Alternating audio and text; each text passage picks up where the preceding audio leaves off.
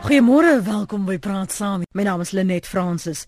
Die bestuur van die Universiteit van die Witwatersrand in Johannesburg het 'n beroep op alle rolspelers, insluitende studente gedoen om vandag die akademiese jaar te hervat. Maar so 10 minute gelede het ons reeds video's in uh, sosiale media gesien van studente wat al proteseer, maar dit lyk egter asof wit wel oop is. Vanoggend praat ons oor die impak wat die Feast Mas Volveldtog op die res van die 2016 akademiese jaar kan hê. So as jy wil saampraat as jy baie welkom. Ons gesels met Dr Piet Kroukamp. Hy's 'n onafhanklike politieke ontleder en oud akademikus. Môre Piet. Goeiemôre Lenet. En ons gesels met professor Amanda Gous, politieke ontleder verbonde aan die Universiteit van Stellenbosch. Môre Amanda. Môre Lenet en goeiemôre aan die luisteraars. So daar elke jaar wanneer die akademiese jaar nou begin dan word goed in plek gestel so, so gaan dit lyk en hierdie is die skedule en dis die rooster en dis die verwagtinge. So waar staan ons nou in terme van die skedule van die akademiese jaar Amanda as jy so kyk na jou program en wat julle doen Ja, dit is 'n baie kritiese fase op die oomblik. Ons is uh, by Stellenbosch en, en ook by die meeste ander universiteite uh, 'n uh, week weg van die begin van eksamens af. So dit is baie belangrik want dit is baie moeilik om eksamens te skuif. Uh ons moet lokale bespreek. Dit word lank voor die tyd gedoen. Daar's opsigters wat bespreek word. Hulle skedules moet aanpas by die eksamenrooster. En indien dit nie voortgaan nie dan is daar wat ons kan sê 'n knock-on effek nê want dan het dit 'n impak op die gradeplegtighede die plegtighede word lank voor die tyd uh, beplan. Uh die programme moet gedruk word, sertifikate moet gedruk word. Die bestuur moet weet wie woon die gaan die gradeplegtige ere bywoon, wie kry hulle grade in absentia. Intussen die eksamen en die gradeplegtigheid is daar moet daar 'n periode van ten minste 6 weke wees om uh die eksterne eksaminatore vir die uh meest uh, meestal die nagraadse vakke kans te die eksterne eksaminering te doen. So dit is absoluut alles baie krities. As ons nou nog 'n week verloor, dan is daar dan is ons in baie groot moeilikheid. Het ons verwag gedink enigstens dat hierdie feesmas vol die die akademiese jaar so se ontwrig? Ja, nee, ek ek dink ons het genoeg geskiedenis uh, gehad om te weet dat uh, dit dis 'n moeilike tyd wat voor lê. En my waarheid te sê, ek vermoed ons kan nog vir dit kan vir 'n paar jaar nog aan aangaan want uh, daar moet kapitaal gevind word om die probleem op te los. Dit, dit lyk nie of daar 'n politieke kompromie bereik kan word nie. Jy moet jy moet geld vind om hierdie probleem op te los. Uh jy, ek dink Amanda sal ook saamstem dat die probleem loop nog verder. Jy kan dalk nog grade plegtighede uitstel en jy kan vir mense sê man jy het 'n graad hier is jou papier uh uh om aan te gaan met jou loopbaan, maar die feit bestaan is uh as hierdie studente nie klaar maak nie en met volgende jaar moet terugkom om te kom skryf. Daai studente moet akkommodasie en die nuwe studente wil inkom in die stelsel en So dit kan inderdaad konsekwensies mm. hê vir die eerste jaar as ook volgende jaar. En die ander ding is daar is geen spesifieke aanduiding veral by wits en by uh, UCT en dalk selfs ook by tikkies en miskien môre ja is daar is daar geen aanduiding dat dit lyk asof daar dat 'n kompromie baie naby is nie. So uh dit lyk nie vir my of ons kan argumenteer dat eers dat ons 'n tentatiewe oplossing het dat daar waarskynlik 'n kompromie is nie.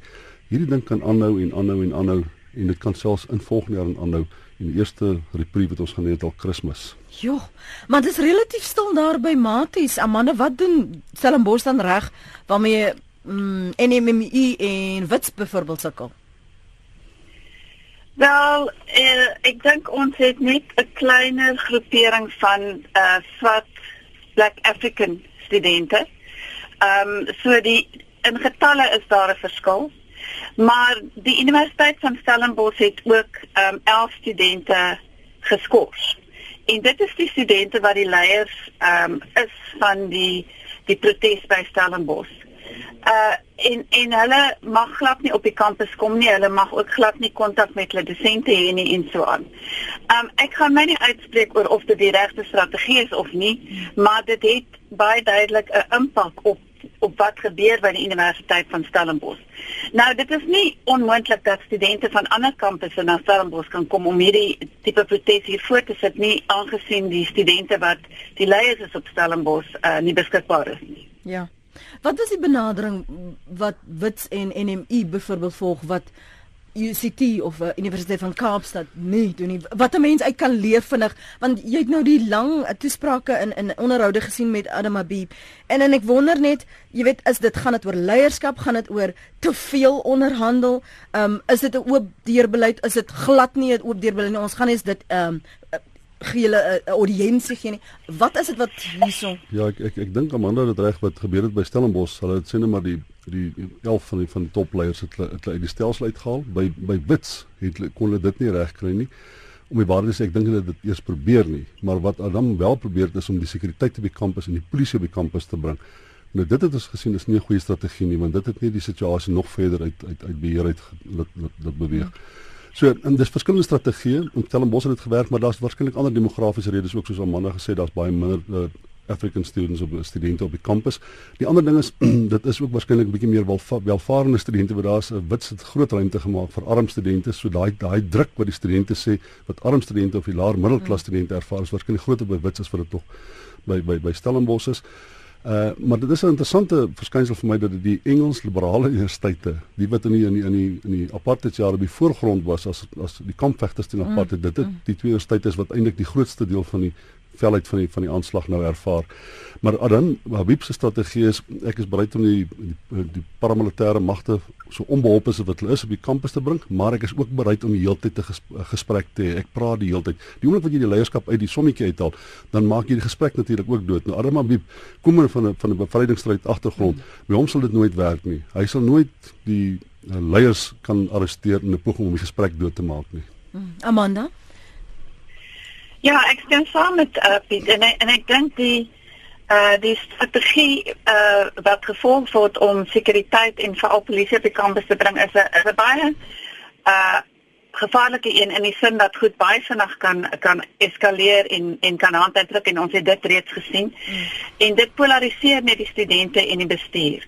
Maar ek dink vir my is is natuurlik een van die groot vraagstukke is die die feit dat die studente en so wil dit my voorkom, die hele tyd die doelpale skuif. Nie eers het hulle gevra vir uh gratis onderwys. Nou het dit geword by by uh Universiteit van Kaapstad byvoorbeeld uh, hulle wil 'n uh, waarheids- en versoeningskommissie uh, uh, om om te kyk na die institusionele kultuur. Hulle hulle wil wag totdat die regering 'n beleid geformuleer het oor oor gratis onderwys. Nou hierdie is nie goed wat jy oornag kan doen nie. Um en so Piet ook gewys het daar is nie genoeg geld nie. So daar moet strategieë beding word om werklik gratis onderwys um 'n moontlikheid te maak. En so spitsie, dit kan aangaan tot volgende jaar en wat dit beteken is dat as die studente nie nou klaar maak nie, dan moet hulle as hulle byvoorbeeld nie eksamens skryf nie, hulle moet herregistreer. Gaan hulle dan weer fooie betaal? Mm. Um, ek het 'n kind wat nog nie ek is nie bereid om weer fooie te betaal nie. Um so die die die vraag is dan jy weet wat is redelik, wat is rasioneel? En ek dink ons het almal simpatie met hierdie stryd, veral met die arm studente wat al al kom hulle kry hulle uh, eh, NS uh, eh, FSB se hulle kan nie betaal vir akkommodasie nie, hulle het nie kos nie. So hierdie goed moet aangespreek word. Ehm um, maar maar dit is jy weet ek dink dat die studente ook behoort te verstaan dat dit baie moeilik is om hierdie goed in 'n in 'n kort tydperk te doen. Mm. En ek dink uh, bestuurders moet kyk, hulle het 'n jaar gehad om om aan hierdie saak aandag te gee. Hulle het heel moontlik gedink dan gaan nie weer protes wees nie. Maar dit was baie kortsigtig en ons sit nou dit is nou die groot meerderheid, die stille meerderheid wat nou basies die prys betaal uh om omdat daar nie eerder aan hierdie saak ehm um, aandag gegee is nie. Jolanda ek gaan uh, net uh, Adam het by die naby tog al sy vingers mooi op die brand, brandpunt gelê. Hy sê ons praat van studente as en ons veronderstel daar 'n vorm van konsensus onder die studente wat aangaan. Hy sê daar is hulle het nou so gebrek aan konsensus onder die studente dat niemand kan met hom 'n ooreenkoms aangaan nie want die een wat 'n ooreenkoms aangaan sal 'n impimpie wees of sal 'n uitverkoper ja. wees. Daar is nie genoeg konsensus onder die studente meer nie wat beteken is hy het nie iemand om 'n kompromie mee aan te gaan nie en wat jy verseker gaan weet dit gaan in plek bly.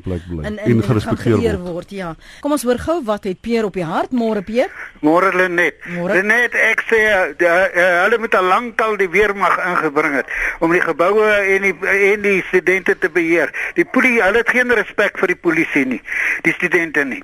Hulle maak met hulle net hulle wil 'n gooi klip. In 19 7 67 68 het die ANC hulle geleer om klip te gooi in die geboue en goed aan die brand te steek.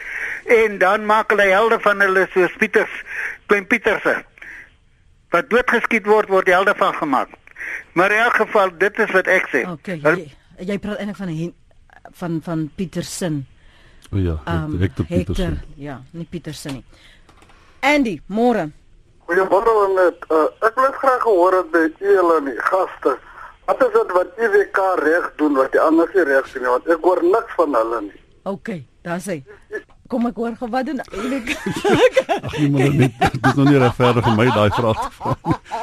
Jy kan sê Ehm ek ek weet nie kyk eh, wat ek interessant vind. Want hulle het verlede ja, jaar so ja. hier Desember weet ek by by CPUT en daar Ja. Was daar klippe gegooi, die die die paaie is versper. Ek onthou ook op die kampus was daar baie probleme. Die laaste ruk, ehm um, was dit stil. Jy jy kan jy kan selfs vra eh, vra by by UJ wat net mm. hier om die draai van wits is. Dit is nie naaste by dieselfde patroonmatigheid nie.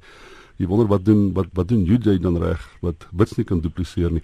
Ek dink dit het uh, waarskynlik 'n klompie faktore. UJ is natuurlik baie mooi afgebeton. Jy dis baie moeilik om in te kom uh en op die kampus te te mobiliseer verlede jaar het ek byvoorbeeld gesien hoe studente aan die buitekant op die brug op die oorpad daar moes hulle daar moes hulle bymekaar kom so as jy student as jy studente die moeilikheid maak as van die kampus af kan hou is dit seker makliker maar ek moet ook vir jou sê ek ek ek dink uh, miskien moet mense sê Iron Rensburg was dalk 'n bietjie meer proaktief geweest uh, in die verlede En uh, UJ het deur 'n proses van die laaste 15 jaar van transformasie gegaan. Ek het nog nooit iets in my lewe gesien nie. En met 'n groot mate van bestendigheid sonder die prysgee van standaarde soos wat baie mense altyd gevrees het. Ja. Ek dink dit gaan regtig goed daar so uh, uh ek ek ek dink dis terme 'n bietjie van die geskiedenis van beter verhoudings tussen bestuur en studente en natuurlik ook uh, ander faktore soos die feit dat die universiteit afgebaken is. Jy het net nou genoem uh, maar kan ek net ja. sê dat ek meen in daai tyd van transformasie was Adam Abit die fidelektor uh, en hy was instrumenteel in daai transformasie. Precies, so precies, jy weet ja. ek dink dit is die ironie daarvan dat hy nou gesien word as as anti-transformasie by hmm. wit.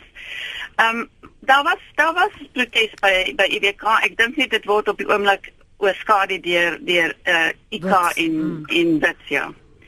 Ehm um, maar ek wil net iets sê oor die weermag op die kampus. Ehm um, vir die luisteraar wat ingebel het. Ek het in 1985 toe ons die noodtoestand gehad het, het ek by die Universiteit van die Noorde wat nou die Universiteit van Limpopo is gewerk. En die weermag was op het 'n basis op daai kampus gehad.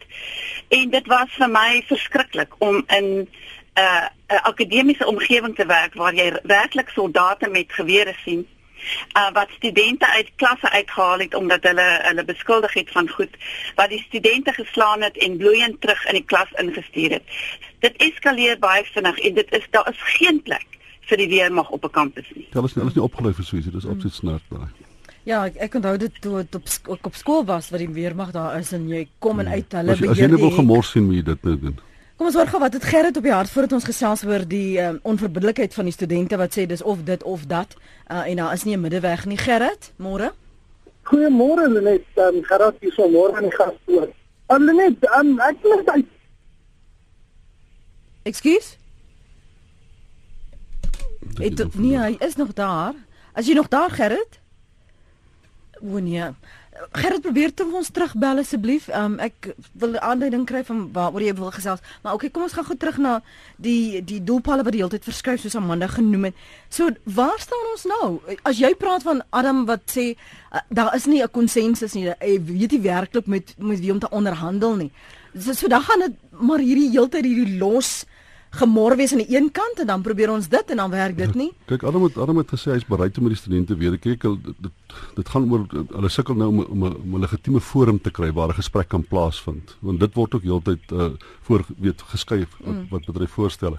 En Adam het gesê ongeag waar ons gesels, die feit bestaan is dit moet 'n twee rigting gesprek wees. Ja. Hy kan nie in 'n vergadering gaan waar hy gedreig word, waar hy uh, gemaak geforseer word om op die grond te sit. Met ander woorde, die, die, dit moet 'n dit moet 'n oop gesprek wees waar hy daar antwoorde kan kom en waar die vrae uh, eerlik en, en regverdig op die tafel geplaas word. Maar hy sê dit in dieselfde asem sê hy ook vir jou dat die mense wat oorkant hom sit, dis klomp studente en die meeste van hulle stem nie met mekaar saam nie. En die wat kompromie bereid is om aan te gaan word, die ander afgemaak as impimpies. En die mees radikaal is uiteindelik uh die wat die die doelpalle die maklikste skuif. Uiteindelik hierdie oorhand in die gesprek. As jy as jy meneer Dlamini uit witsheid uithaal vandag. En ek ek ek ek dink uh, regtig Adam Abib het, het goeie rede om hom miskien af te of te cream soos hulle in Engels sê. Dan kan ek net vir jou sê dat jy gaan jy 'n gewellige klomp gemors het deur studente wat dan bereid is om te gaan tot geweld toe. Maar hy is die die groot probleem by Wits op hierdie stadium en ek ek, ek daar's 'n paar ander ook, maar hy is duidelik 'n tipe van 'n probleem wat nie opgelos kan word nie. Amanda En en die EFF uh, moet ons ook nie uit die oog verloor nie. Die EFF het op uh, sosiale media uh iets gesirkuleer wat uh, wat wat die volgende sê. Dit sê um ons sal nie ophou tot daar gratis onderwys is nie. And we coming for you. We coming for management and we coming for you.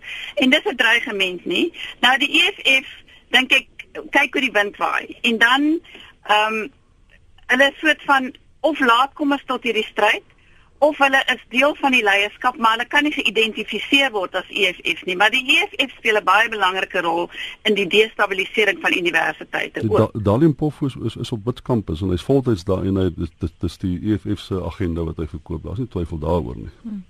Kom ek hoor gou wat sê Anton. Dankie vir jou oproep Anton. Môre eh, môre aan jou paneel ook.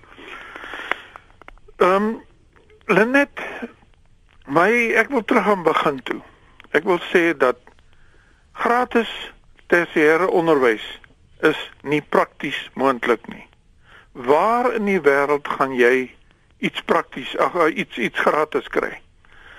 Ehm um, as 'n mens uh wil universiteit toe gaan, dan moet jy dit kan bekostig. Dis ongelukkig, dis die lewe. Ek het ek het ek ek verstaan dat daar's baie arme mense en arme mense uh 'n manier om om om jou armoede te verbeter of te verander is om te leer om om te gaan werk en dit so te doen. Maar ek kan nie 'n uh, 'n vliegtyg koop nie want ek het nie die geld nie. Die die kort en die lank van die saak is dat as 'n mens nie geld het nie uh en jy het nie 'n beurs nie, jy het jy, jy het nie jy het net eenvoudig nie die die die finansiële vermoë nie, dan kan jy nie universiteit toe gaan nie. En de, nou die ander mense wat nou op universiteit is op die oomblik, lyk nou vir my asof hulle kry nou nie hulle sin nie. En nou breek hulle af en hulle verbrand en hulle doen sulke mense hoort ook nie op 'n universiteit nie. Want ek meen dis kriminele. Hulle is besig met kriminele dade en hulle hoort regtig nie op universiteit nie. Dis ongelukkig die waarheid, dis ongelukkig die feit van die lewe en dis dis dis, dis waar ek vassteek. Baie dankie. Dankie Anton. Ek gaan nou vir jou kans gee Piet. Kippie.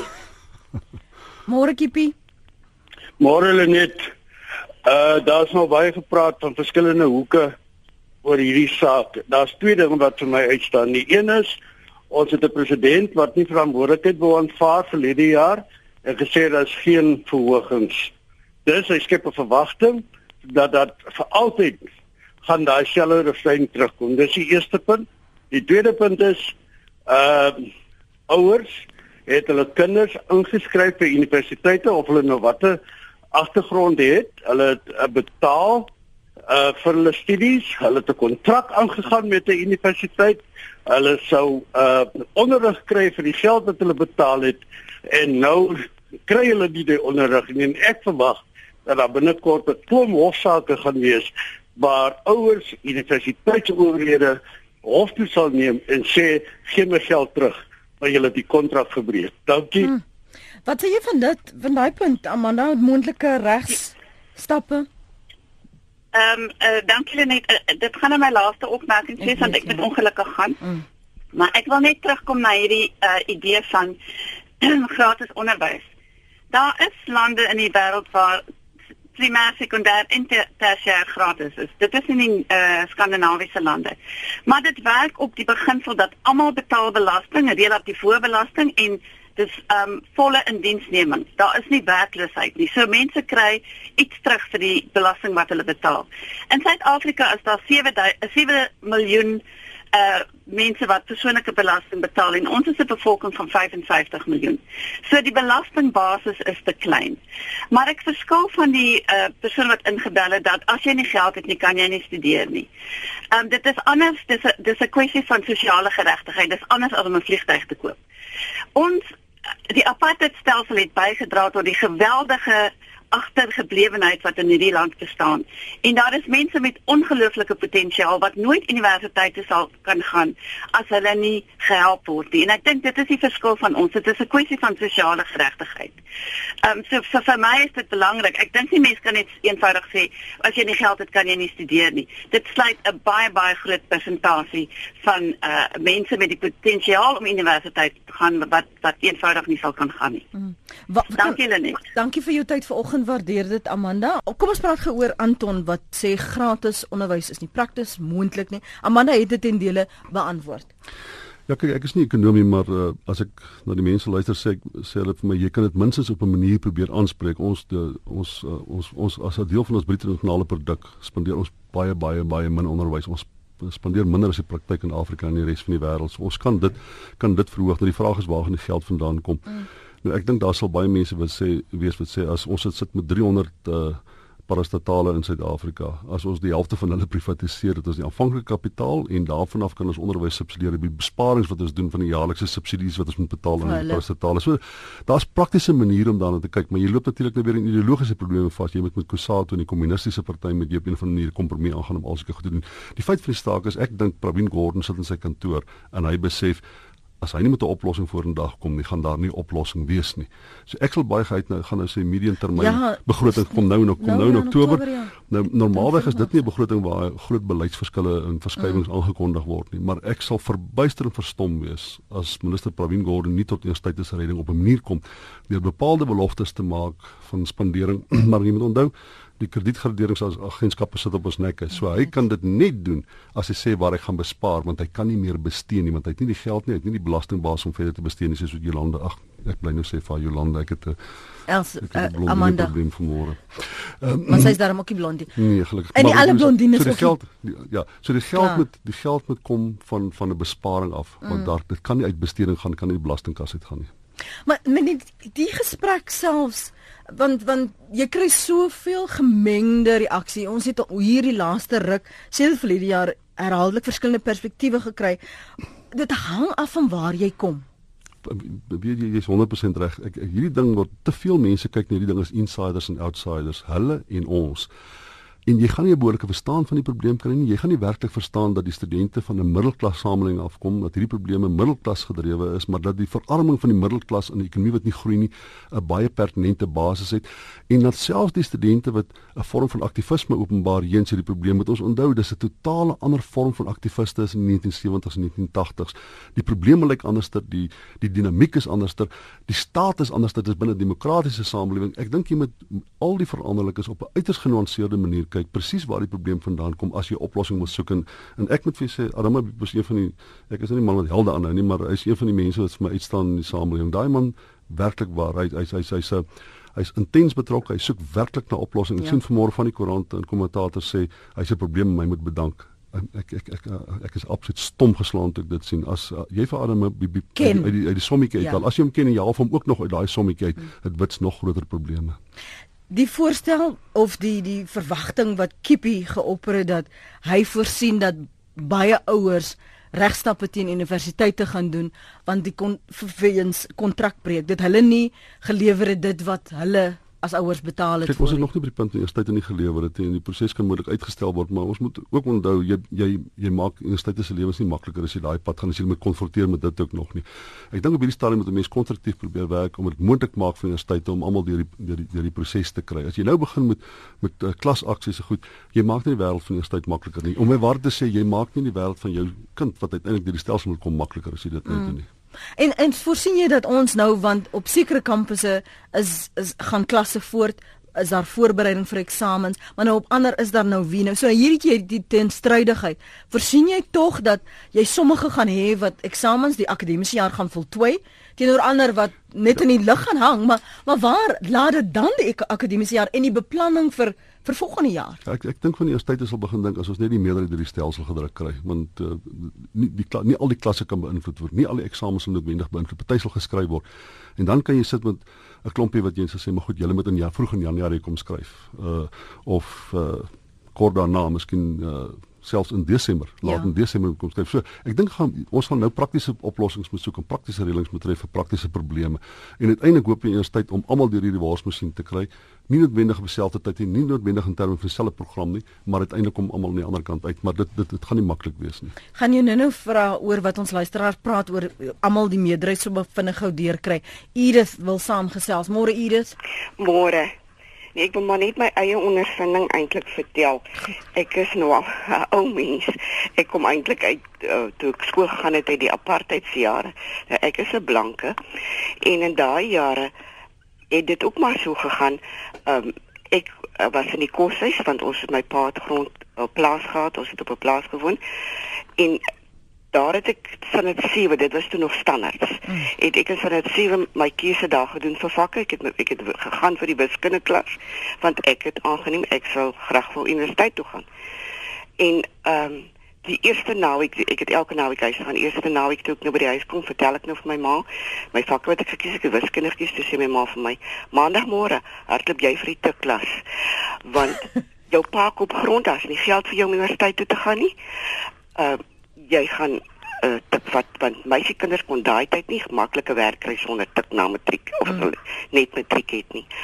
In die maandagmôre kom ek dan ek gaan na die klas toe en die onderwyser daar het my nog geken en hy vra vir my en wat kom maak jy hier want hy het aangeneem ek sou wiskunde mm. neem ek was vir jare hartseer ongelukkig omdat ek nie kon die onderrig kry wat ek so graag wou hê nie ek wou verder gaan leer op universiteit.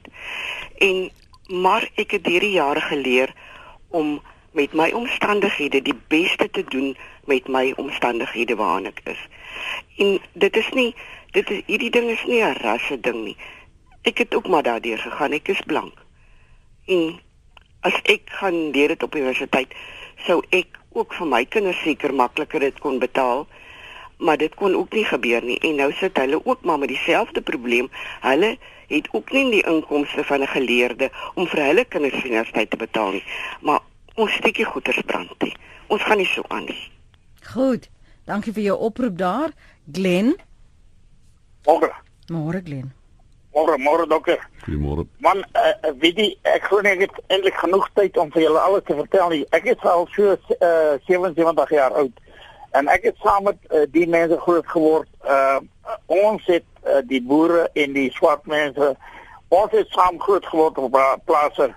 En weet jy wat die agtergeblewenheid uh uh is 'n uh, groot storie wat wat eintlik uh baie onwaarheid in het want ek meen ons het hulle taal gevat in in grammatika gesit en ons het hulle geleer uh, soveel as wat ons kon hulle het saam met ons uh ook skooltjies gehad en ons het ook maar arm gewees en ook maar skooltjies gegaan.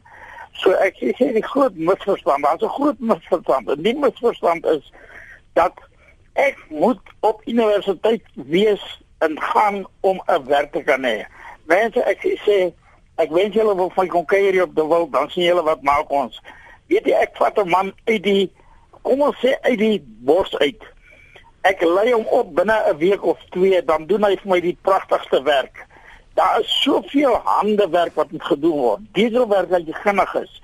Skrynwerkers, daar is landerye wat moet bewerk word. Daar is Ek weet ons ons oudjies in ons jong dae het daar 'n paar ouens universiteit toe gaan. Die een het 'n apteker geword, die ander het dit geword en dat geword. Jy weet maar Ons manne het gaan werk met ons hande. Ons het gaan bou. Ek het 'n boukontrakteur. Ek was 'n tekenaar.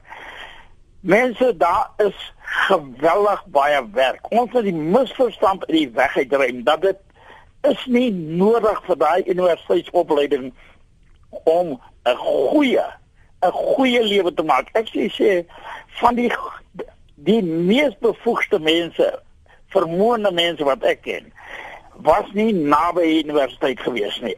Dankie Glen. Ek is 'n 56-jarige sogenaamde previously advantaged Suid-Afrikaner. Ek kon nie na skool verder gaan studeer nie. My ouers kon dit eenvoudig nie bekostig nie. Ek het 'n ambag geloop en ek is baie gelukkig daarmee. Ek en my vrou het al 'n paar keer onderrigstellende aksie deurgeloop en moes al 'n paar keer oor begin nadat ons alles verloor het. Ek is nou net mooi gatvol vir die protesteerders wat alles nou gratis wil hê. My voorstel aan die studie-inrigtinge stel ultimatum aan alle studente keer teen 'n sekere datum terug klas toe en skop die res uit. SAPD moet dan hulle mandaat uitvoer in die wat wil uh wil beskerm. Dis Andre Viljoen daar in die Parel. Ek moes my eie studies betaal en net het 7 dae 'n week as kelner op Stellenbosch gewerk om my studies te betaal vir 5 jaar. Niks kom verniet nie as jy nie bereid is om te werk vir iets nie, moet jy teruggaan na die niks waarvan jy kom. As sê die ander luisteraar. Ja, nee, ek voel of ek in 80 lewe. Kan ek gou vir jou net lees hierso uh, wat van ons luisteraars op sosiale media skryf hier op ons webblad kon nie vra indien 'n eksamen moontlik is hoe voorbereid kan studente egter wees met al die onderrig wat verlore gegaan het of gaan daar outomatiese hereksamens wees? Nee, ek ek weet nie of daar outomatiese hereksamens moet wees, wees nie, maar ek ek ek dink daar's natuurlik verskillende maniere om om inligting en kennis oor te dra. Ek ek weet by van universiteite word die studente, ek dink van die wits protesteerders het gister gesê dat hulle kry van die werk by die dosente en gaan doen dit dan by die huis op hulle eie. So daar's daar's diverse maniere. Dis nie noodwendig sodat die program opgeskort hoef te word. Ek net miskien een ander ding noem wat ek dink baie mense miskyk in hierdie hele proses. Sien nou maar 'n student kry 'n beurs by 'n universiteit, Nefsas beurs. Daai beurs het geweldige streng voorwaardes. Ek dink amper ek praat oor korreksie, maar as jy 'n tweede vak dop en wie van ons het nie op laaste tweede vak gedop. Jy as jy tweede vak dop, dan verloor jy jou beurs. So jy sit met 'n student wat 2/3, 80% van sy vakke geslaag het. Twee modules gedop het nou sy beesvloer hy's in die stelsel hy het hoë verwagtinge.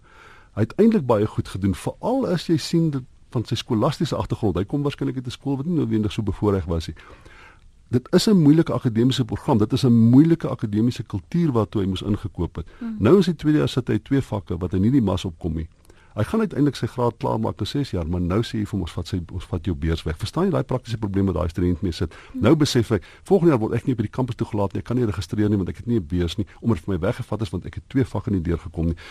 Dis hoekom 70% van studente by Suid-Afrikaanse universiteite maak nie hulle graad klaar in die voorgenome tyd nie. Maar daar's ontsaglike druk op die universiteit om studente deur die stelsel te kry. Maar hierdie student sit op die kampus, sy verwagtinge en sy toekoms is nou daarmee heen. Hy het twee vakke nie geslaag nie. Hy kom met 'n gewellige moeilike verlede uit. En jy moet nou by wits is daar duisende sulke studente. Ja. So dis 'n praktiese probleem. Ek dink mense moet kyk om die voorwaardes waaronder hierdie beurse weggevat word partykie by studente en dit miskien verlig aan studente toelaat om hulle grade in langer tyd klaar te maak. Dit dit kos meer geld, né? Dit kos meer geld as hulle langer by universiteit. Die ander ding wat vir my vreemd is, wat ek sou gedink het sou al gebeur het, dat En dit is wat jy doen met beplanning en strategie is dat jy die implikasies van verskillende scenario beplannings doen. Of praat universiteite nie met mekaar om te sê hoe ons sekere goed aanpak wat werk nie. Want daar is nou soveel implikasies, soveel belanghebbendes, hierdie stakeholders wat geraak word. Ja, ek ek dink die verhouding tussen die staat, die provinsiale regering en die nasionale regering en universiteite is is 'n primêre lyn van van van kommunikasie tussen universiteite. Hulle daar's 'n 'n komitee wat jaarliks bymekaar kom vir al die rektore en ek dink hulle gesels, maar ek dink dit is baie oppervlakkig as jy dit vergelyk met die verhouding tussen die regering, die staat en die universiteite want dit is hoe hulle uh, befondsing werk. Maar die mm. belangrike ding is ook dat universiteite se omstandighede verskil so radikaal van mekaar. Jy dit is nie moontlik vir wits om namens die universiteit van Wenda te praat nie. Dit is nie eens mm. vir hulle moontlik om namens die universiteit van Stellenbosch te praat nie. Die, die demografie verskil, die uh, likwiditeit van die universiteit verskil, die geskiedenis verskil, die, die demografie verskil, die personeel verskil. Dit is ek dink daar's daar's te groot verskil. As meer groter verskille is wat daar is daar groot verskil is wat daar ooreenkomste is. Wat dit baie moeilik maak om sê maar dan moet 'n eenvormige beleid wees. Maar wat die beurse betref, dink ek is inderdaad moontlik vir die staat om te sê 'n student, miskien moet hulle sê 'n student verloor nie sy beurs as hy een of twee vakke dop nie. Mm. Want die, dit is 'n groot probleem. Hou gou so vas, Elise, môre. Uh, goeiemôre net. Ehm um, weet jy wat, ek wil net sê Ek dink ons wit mense verstaan nie regtig die probleem nie. Ek was so rukkie terug nog 'n student gewees en ek is op baie trots daarop dat weet ek het nie 'n kar gehad nie. Ek moes die hele tyd voltyds werk terwyl ek geswat het. Ehm um, ek het alles met 'n lening betaal. Ek moes dit self terugbetaal en ek voel altyd so half trots dat jy weet ek het dit die harde manier gedoen. So hoe kan hierdie mense alles verniet wil hê? Maar wat ons vergeet is wat ons sien as arm wees, as weet relatief arm wees wat jouself betaal is vir ander mense ryk. Jy weet, hierdie mense wat kla oor oor sukkel om te swat. Ek het altyd 'n kop oor my da, dak oor my kop gehad. Ek het nooit 'n probleem gehad met kos nie. Selfs al moet ek werk daarvoor. waar hierdie mense wat probeer swat het letterlik nie kos om te eet nie en nie plek om te bly nie. Hulle beurse cover net mm. hulle studiegelde. En nou soos julle gesê het, wat gebeur is nou doen jy jou eerste jaar goed, jy kry 'n beurs, dan in jou tweede jaar, omdat jy 'n beurs gekry het by die universiteit, kry jy nie meer lening nie en nou het jy nie kos nie en jy het nie blyplek nie, jy het net boeke. Ehm um, so ek dink net hierdie mense wat se sê ja, ehm um, jy weet julle niks kom verniet nie en ons moes ook hard gewerk het. Ons verstaan nie regtig die basis van waar ons werk is nie die basis van waar af die meerderheid van mense werk nie. Presies. Dankie Lies.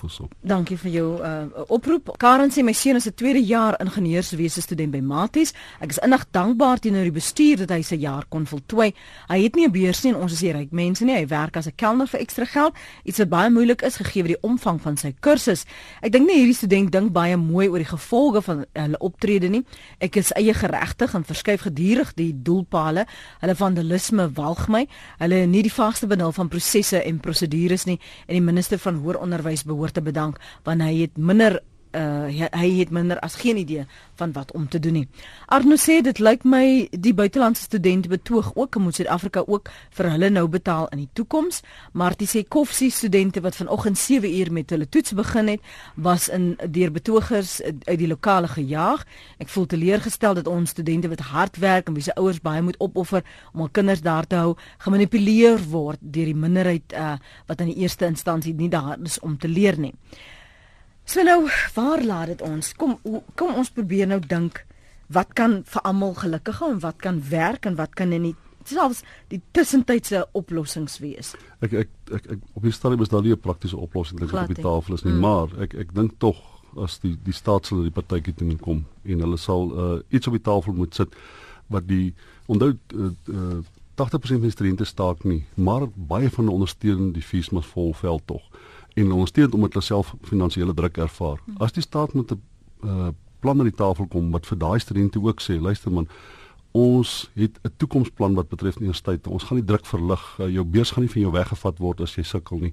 Uh en uiteindelik gaan die armstes van die arme mense in Suid-Afrika nie betaal nie. Net die wat werklik kan betaal, die gaan ons uiteindelik sal ons ofkreem en hulle gaan betaal en vir die res sal ons aanvaar ons moet 'n vorm van 'n subsidie uitwerk of dit in terme van 'n belastingooreenkoms is met ander woorde as jy die dag begin werk. Want jy moet onthou as jy net 9% van mense met grade in Suid-Afrika is werkloos. Wat beteken as jy 'n baie baie goeie kans om om 'n werk te kry met 'n graad, dan gaan ons vir jou 4 of 5% ekstra belasting bysit.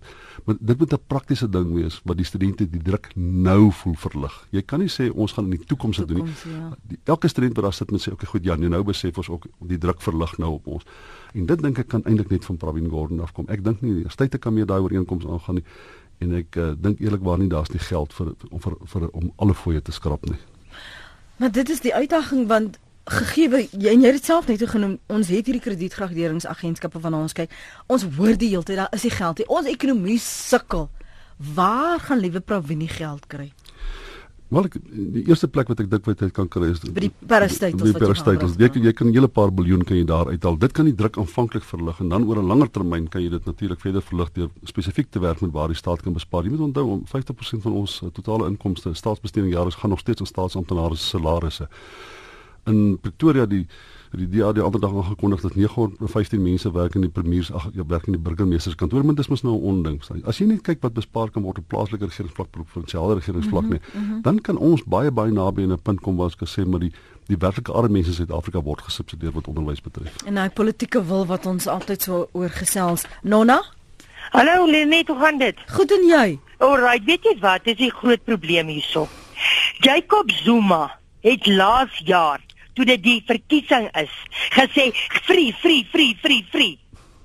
Nou het hy daai kinders onder 'n wan indruk gesit. Mm. Hy moet die gemors kom regmaak.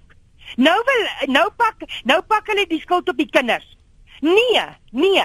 Wat hulle doen is nie reg nie. Moenie breek nie, want dit kos geld om reg te maak. Maar hy moes nie gesê ja, want dit dink ek gaan sy stemme kry nie man. OK Nonna. Mooi bly. Weet jy, wil jy reageer? Kyk ek um, dit was die probleem is verlede jaar het uh, die universiteite besluit oor hulle eie fooie vir in verhogings. Verlede jaar het uh, die president het hy vir politieke redes het mm. hy gesê daar gaan geen verhoging wees en dit het 'n groot probleem vir universiteite veroorsaak.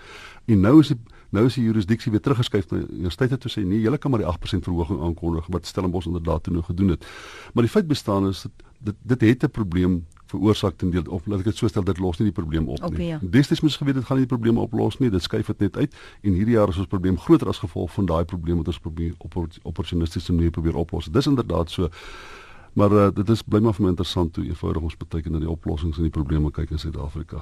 Gaan ons maar nou wag en kyk dat alles implode, dat alles binne mekaar val en van daar dan kyk wat die stukke is wat jy optel. Nee, kyk die ding implode daarom nou nog nie, verstaan okay. ek. Ek dink dit is nog heeltemal moontlik om die ding te red. Ek dink ons moet dit bestuur. Dis 'n krisis wat ons moet bestuur en ons moet dit bestuur vir die volgende paar jaar waarskynlik. Dis mm. die, die die probleem gaan nie weggaan nie. Maar dis nog nie waar om te sê dat Suid-Afrikaanse universiteite heeltemal inplof nie. En mense moet ook bietjie mooi kyk na wat is die is daar nie konstruktiewe alternatiewe wat na die tafel toe kom om in hierdie proses wat ons die krisis ervaar nie. Ons het te min universiteite in Suid-Afrika. Die staat gaan nie meer universiteite bou nie. Daar gaan nou privaat akademiese instellings kom, maar die druk gaan verlig. En as ons wetgewing maak wat vir privaat akademiese instellings forceer om ook voorsiening te maak vir arm studente, dan is dit nie so 'n sleg ding nie. Mm. Maar ons kan nie toelaat dat hulle die krem kom afhaal, die top 20 studente wat kan betaal wegvat en dan los ons staatsuniversiteite met die studente wat werklik sukkel nie.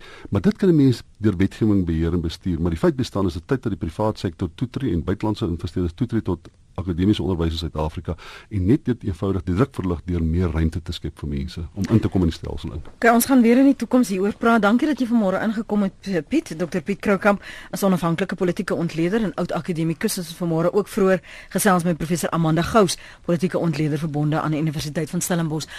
Daar is al hierdie scenario's, daar's al hierdie moontlikhede, daar's al hierdie uh, teenstrydighede, maar ons sal sin maak een of ander manier Ons weet nie altyd alles die volle waarheid nie ten dele mos nê, maar ons sal hopelik wanneer ons met meer uh, mense gesels en meer menings uh, invorder dan hopelik by oplossings kan kom wat werkbaar is, uitvoerbaar is en wat almal uh, uh, onderskryf. Ons praat van die regering, universiteitsbestuur, studente, ouers dat ons almal in in hierdie uh, oplossings vorentoe saamwerk.